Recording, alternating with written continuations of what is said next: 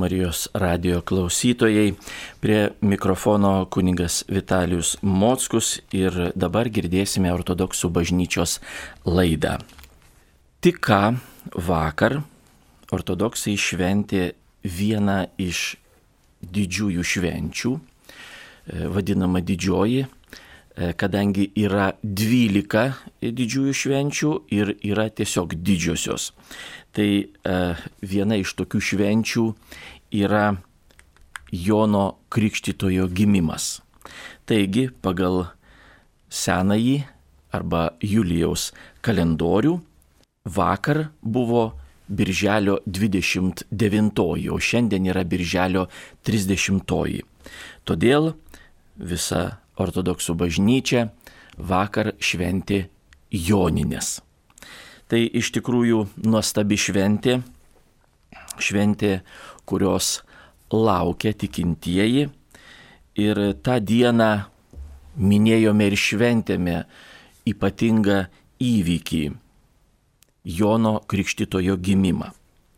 Tai pranašas, kuris, kaip sakoma, viena koja stovi Senajame testamente, o kita jau Naujajame.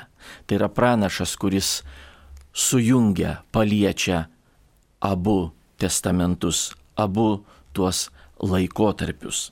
Ir todėl e, jo ypatingas vaidmuo yra ir e, išganimo istorijoje, ir žinoma, bažnyčios istorijoje, ir kaip asmenybė yra pagerbiama ypatingai.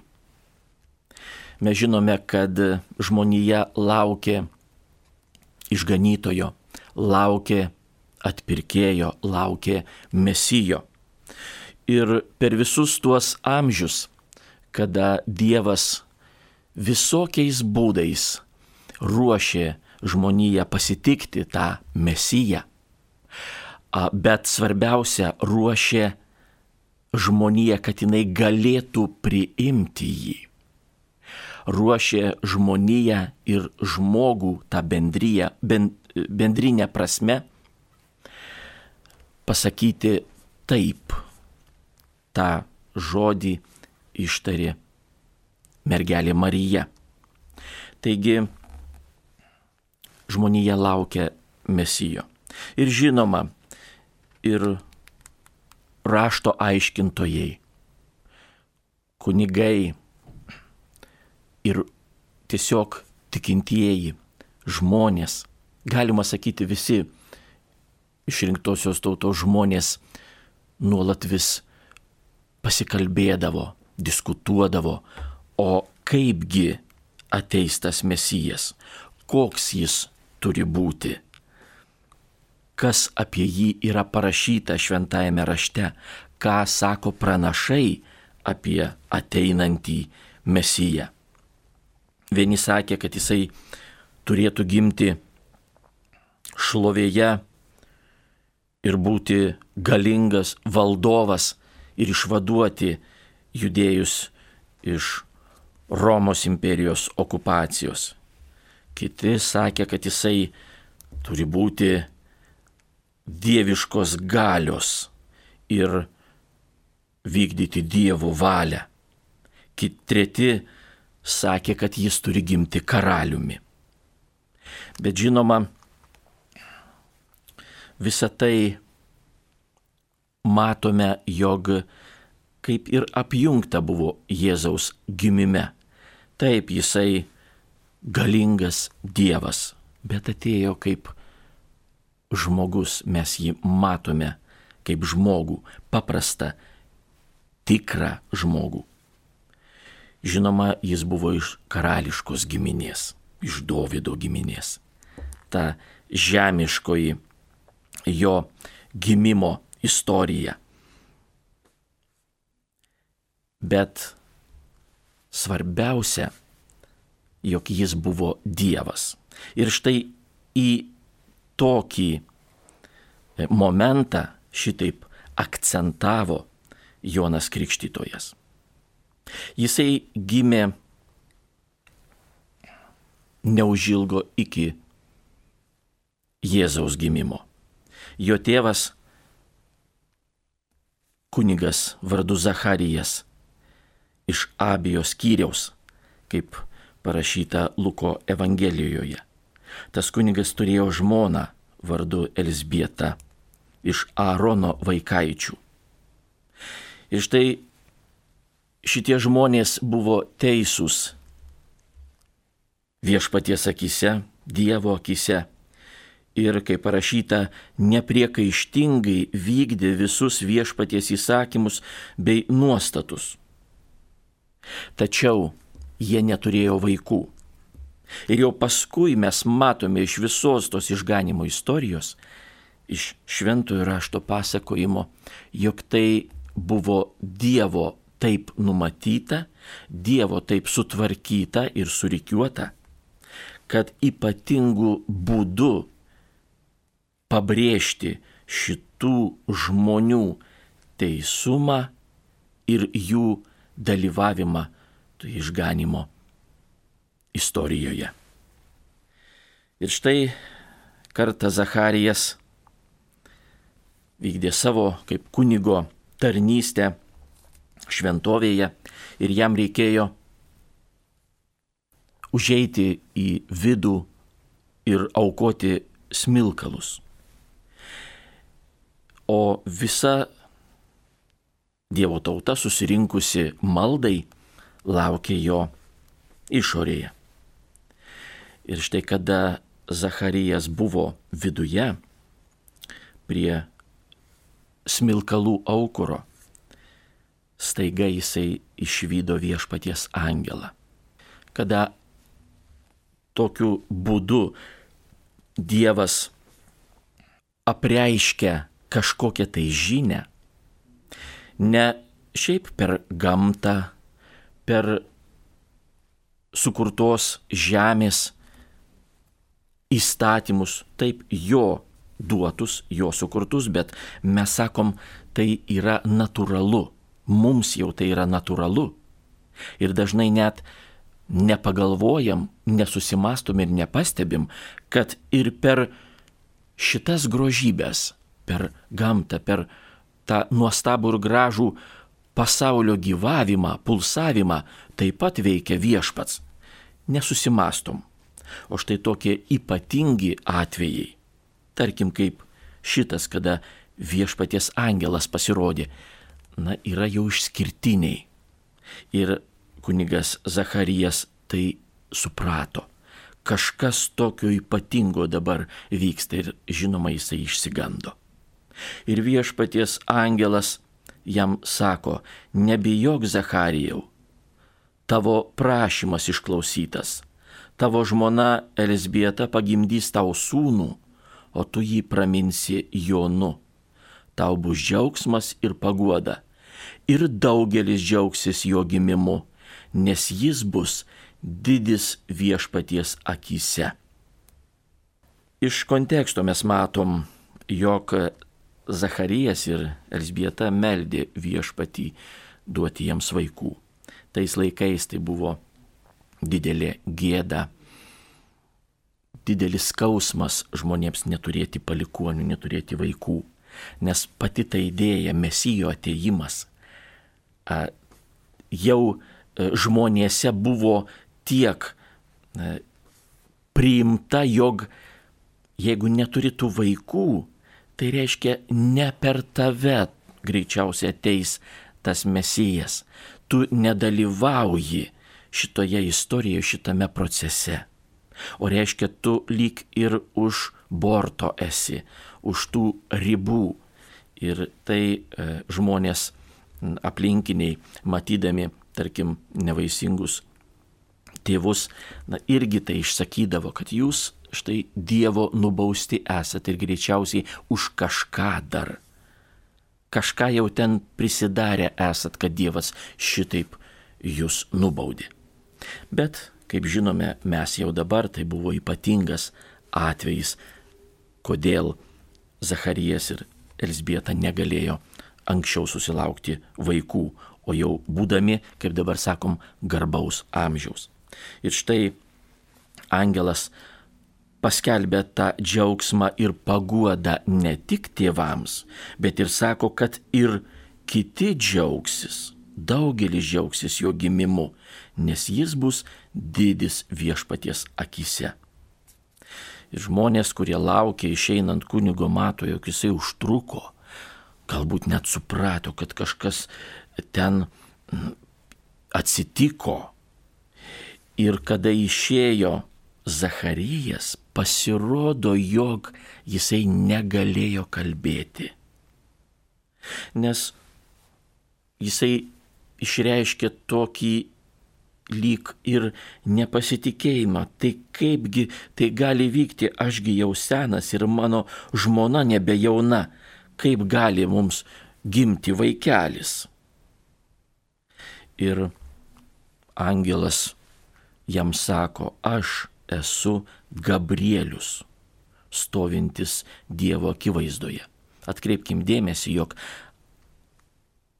Gabrielius apreiškė ir Marijai tą gerąją žinę, gerąją naujieną, jog gims Jėzus, tas pats angelas.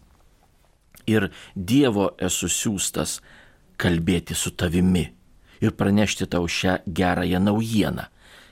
Čia taip pat pavadinta gerąją naujieną.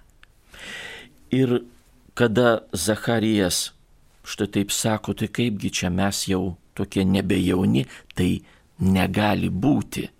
Tada angelas jam ir sako, kaip ženklas tau bus, tu iki kol gims sunus negalėsi kalbėti, kol neatsitiks visa tai, kas tau dabar buvo pasakyta. Ir štai iš tikrųjų Zacharijas negalėjo kalbėti. Iki suteiktas vardas buvo jo sūnui O mes žinome, kad gimė sunus ir buvo pasakyta pavadinti jį Jonu. Atkreipkime dėmesį į tai, jog ir Marijai buvo pasakyta, jog gimęs sunus bus Jėzus. Ir čia gimęs sunus bus Jonas. Jonas išvertus tai reiškia Dievo palaima, Dievo malonė. Tai Dievo duotas vardas, per angelą apreikštas vardas. Ir tai yra labai svarbu, nes kreipdamiesi į žmogų vardu, šaukdami jį vardu arba kam nors pasakodami, kalbėdami apie žmogų ir įvardindami jį, tai yra pasakydami jo vardą, mes iš karto asocijuojam su tuo žmogumi. Dabar, kada krikštijam vaikus, mes duodam jiems, suteikiam jiems taip pat vardus. Bet dažnai būna, jog tai jau antras vardas. Tėvai suteikia kokį tai vardą, o paskui krikštijant pagal ortodoksų tradiciją, kuri dažniausiai šitaip yra paplitusi žmonėse, e, suteikiamas yra kokio tai šventojo vardas. Labai gaila, kad žmonės na, suteikia kokį tai vardą, vadovaudamėsi tik tai jo skambesiu, tik tai jo atitikimu, tarkim, pavardiai ar dar kam nors ir nesuteikia kažkokios tai prasmės. Gerai būtų, kad ir suteikiant vardą mes pasimelstume Dievui ir paprašytume mums duoti kokią tai gerą mintį, kaip pavadinti tą vaikelį, kad jis augdamas ir žinodamas savo vardo prasme, stengtųsi atitikti tą vardą, stengtųsi tobulėti ir gilintis į savo gyvenimo prasme, o jeigu krikšto metu, tarkim, suteiktas yra kokio tai šventojo vardas, stengtųsi susipažinti su savo dangiškojo globėjo gyvenimu, jo veikla, jo atsidavimu Dievui, jo meilė Dievui ir žmonėms. Nes jeigu mes sakom, kad tas žmogus yra šventas žmogus, reiškia, jau bažnyčia jį iškėlė į altoriaus garbę dėl to pavyzdžio, kurį jis gali duoti žmonėms. Ir tą pavyzdį mes turėtume, turėtume menį, suteikdami vieną ar kitą vardą. Tegu tai bus prasmingas vardas, tegu tai bus ta šventasis, su kuriuo galbūt ta šeima, ar tėvai, ar giminė turi ypatingą kažkokį tai ryšį maldoje, kuris galbūt ypatingai globoja šeimą, ar tą žmogų, arba tėvai nori ir linki suteikdami vat, tą vardą, linki, kad šitas šventasis globotų jų vaikelį. Taigi vardo suteikimas yra labai svarbus įvykis žmogaus gyvenime. Darykime tai prasmingai. Stenkimės, kad vardai būtų mums suteikiami lyg ir su tokiom gairėm, kur link aš galėčiau tobulėti, kur link aš turėčiau eiti ir atkreipti ypatingą dėmesį į vieną ar kitą savo šventojo globėjo gyvenimo momentą ir pasimokyti iš to. Taigi, po kiek laiko gimė Jonas. Dar po pusmečio gimė Jėzus. Pasirodo, kaip ir parašyta šventajame rašte, Marija aplankė Elsbietą, Jono mamą, o jie buvo giminės tarpusavį. Marija ir Elsbieta. Ir kada susitiko jos, abi jau iššiose nešiojo po kūdikį. Ir susitikus po Marijos pasveikinimo Elsbietos iššiose kūdikis Jonas, dar nepavadintas tuo vardu, jisai šoktelėjo. O pati Elsbieta pasidarė kupina šventosios dvasios. Ji balsiai sušuko, tu labiausiai palaiminta iš visų moterų ir palaimintas tavo iššių vaisius. Tai yra vienos iš labiausiai paplitusios, vienos iš seniausios krikščionių maldos žodžiai. Mes ją pradedam sveika Marija, malonės pilnoji. Taigi Jonas pajuto jau iššiose būdamas, kas priartėjo prie jo. Ir štai, kada jisai gimė, jam taip pat kaip ir Jėzui teko slėptis ir gyveno jisai dykumoje, nes Erodas norėjo nužudyti visus kūdikius, kaip mes žinome, dviejų metų ir jaunesnius, e, tam, kad tarp jų, nežinodamas kuris, nužudytų ir gimusi Mesiją. Bet nepavyko. Jėzus tuo metu su savo šeima buvo Egipte, o Zacharijas, Elsbieta su Jonu buvo dykumoje. Ten jisai ir augo. Ir mes žinom, kad praėjo 30 metų po šitų nuostabių, ypatingų įvykių, kada žmonės išgirdo, kaip, kokiu būdu gimė, kad tokiems jau pagyvenusiems ir atrodytų neturintiems galimybės susilaukti vaikų, Dievas juos padovanojo. Tai visoje judėjoje, kaip sako Luko Evangelija, apie tai kalbėjo. Štai kas atsitiko. Sklydo kalbos apie šiuos įvykius. Bet su laiku nurimo.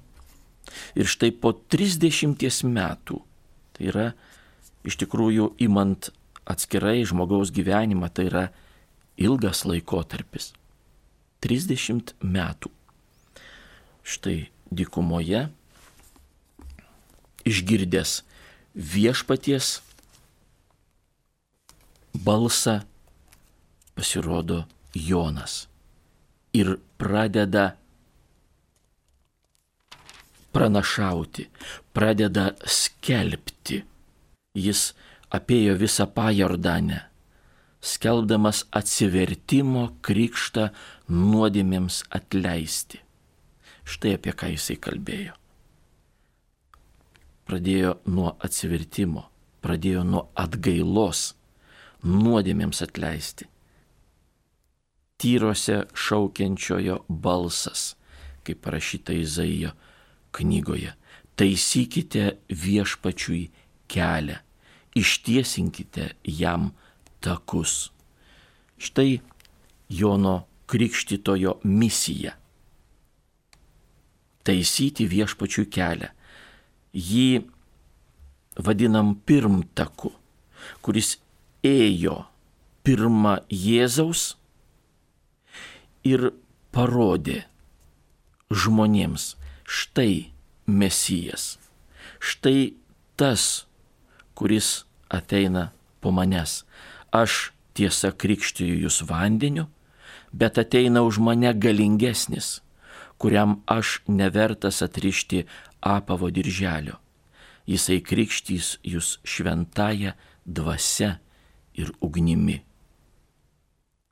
Jisai nurodė, štai yra išgelbėtojas, štai atpirkėjas, štai tas, kurio žmonija laukė šitiek laiko, kankinosi ir laukė.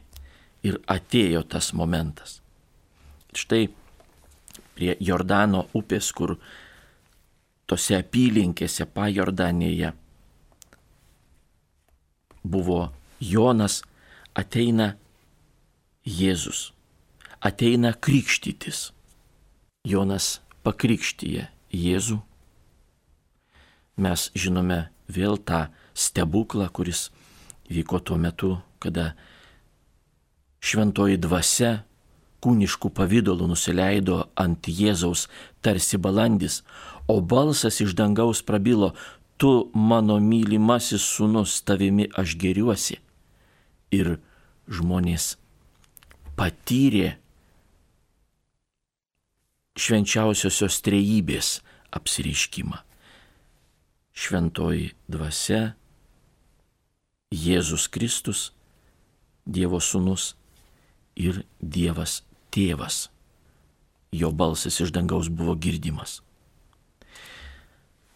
Tokiu būdu Jonas atliko savo misiją, neužilgo jis buvo suimtas, kadangi prieštaravo Erodo vedybom su kita moterimi, su kuria pagal įstatymą negalėjo tuoktis, bet jisai neklausė.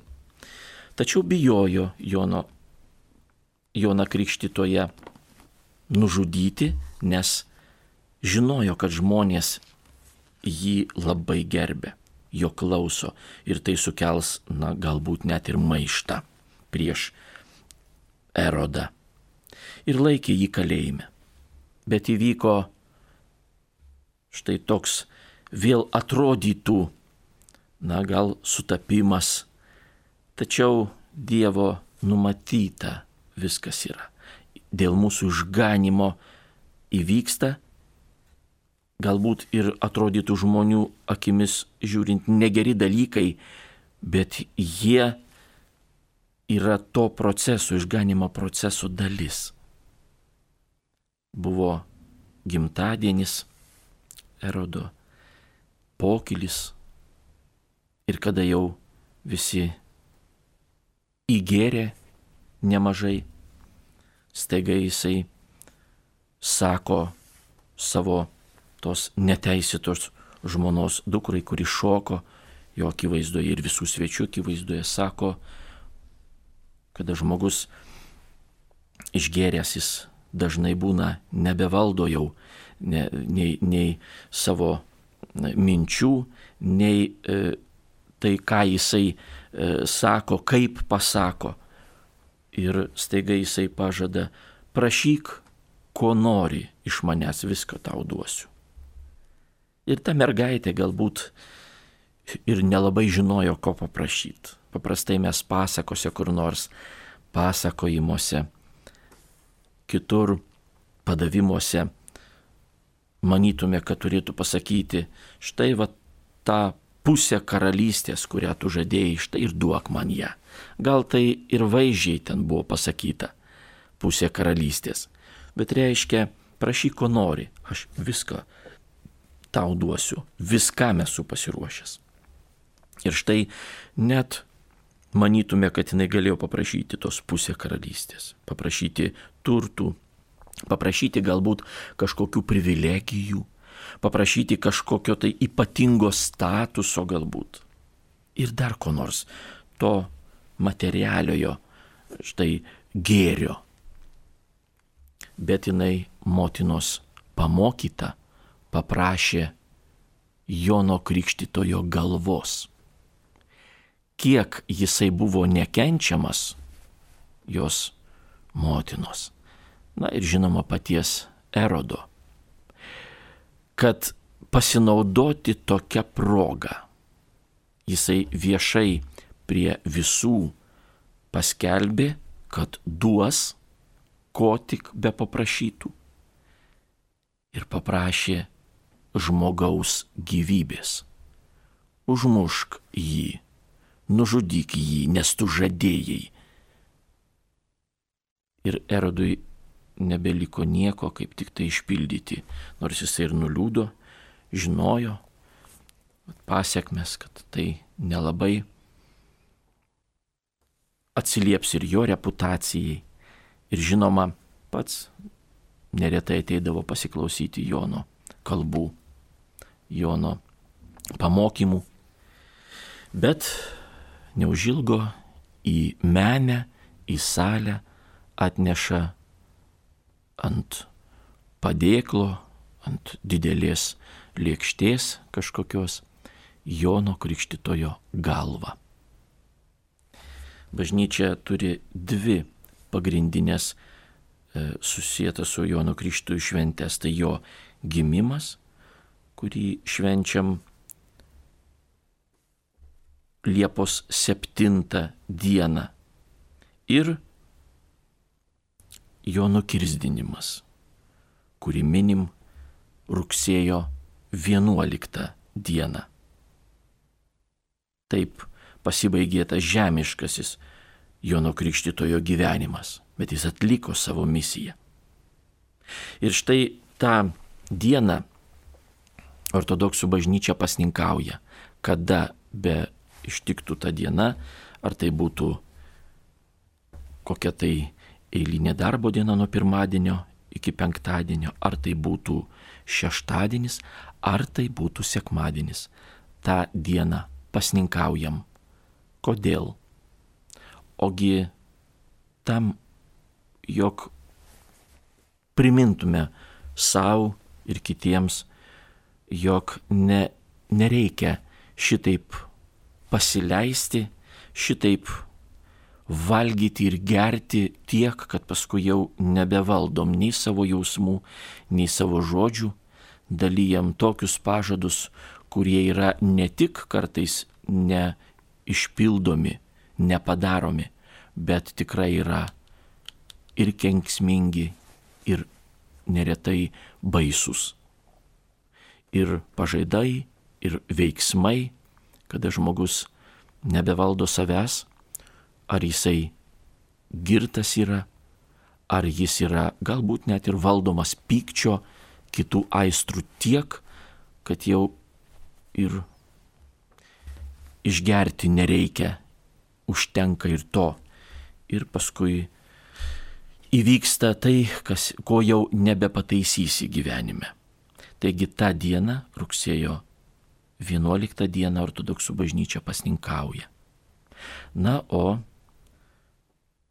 Liepos 7 dieną, arba pagal seną Julijos kalendorių tai yra Birželio 24, mes džiaugiamės, nes gimė tas, apie kurį pats Jėzus yra pasakęs, kogi išėjote matyti, regėti ten dykumoje. Sakau jums, tarp gimusių iš moters nėra buvę didesnio už Joną. Čia paties viešpaties Jėzaus Kristaus žodžiai. Tai pasakyta apie Joną. Bet jis dar ir prideda į perspektyvą, kas laukia mūsų. Bet ir mažiausiasis Dievo karalystėje didesnis už jį. Štai kas mūsų laukia Štai kokia ta Dievo karalystė, kuri tiek yra Dievo buvimas ir tų žmonių buvimas Dievuje, kad iš tikrųjų nepalyginama su niekuo žemėje, net ir už didžiausią tarp gimusių iš moters. Taigi, Štai kaip Jėzus pats pasakė apie Joną Krikštytoją. Taip bažnyčia ir pagerbė jį ypatingų būdų. Na, o dar rugsėjo 11 dieną, jo nukrisdimo dieną, mes ypatingai melžiamės, tai yra tokios na, pamaldos, e, papildomos dar pridedamos e, giesmės, prašymai, intencijos už kankinamus įvairiomis priklausomybėmis. Ar tai būtų alkoholis, ar tai būtų narkotikai ir dar kitokių galima rasti priklausomybių, kurių, kurios vėl mes prisimenam prašydami viešpaties išlaisvinti žmonės iš šitų pančių ir žinoma tai aluzija į tą pokylį į erodo gimtadienį, kada šitaip nesitvardant visiškai buvo geriama ir valgoma. Imam taip kaip vėl kaip bendrinį tokį išsireiškimą, kabutėse geriama ir valgoma be saiko. Ir matom, kokie, kokie buvo vaisiai viso to. Taigi, vakar ortodoksų bažnyčia šventė Joninės, Jono Krikštitojo gimimą. Tegu kiekviena bažnytinė šventė, tegul kiekvienas minėjimas būna mums naudingas, ne tik kaip eilinė dar viena šventė, kur galime pasidžiaugti, bet įprasminkim tas šventes ir tuos minėjimus savo gyvenime. Pasistengkim surasti juose tą pagrindinę mintį, giliausią prasme, kodėl tai įvyko, kodėl taip atsitiko ir kaip man gyvenime pasinaudoti tuo savo išganimui. Kas man darytina, kad tie įvykiai, tie minėjimai, tie stebuklai ir tos asmenybės, kurias minime, taip pat įprasmintų ir mane suteiktų man jėgų, būtų man pavyzdžių, kaip aš turėčiau gyventi ir kokiu tikru, gyvu krikščionimi, Jėzaus mokiniu turėčiau tapti. Girdėjote ortodoksų bažnyčios laidą. Prie mikrofono buvau aš, kuningas Vitalijus Mockus. Iki kito susitikimo garbė Jėzui Kristui.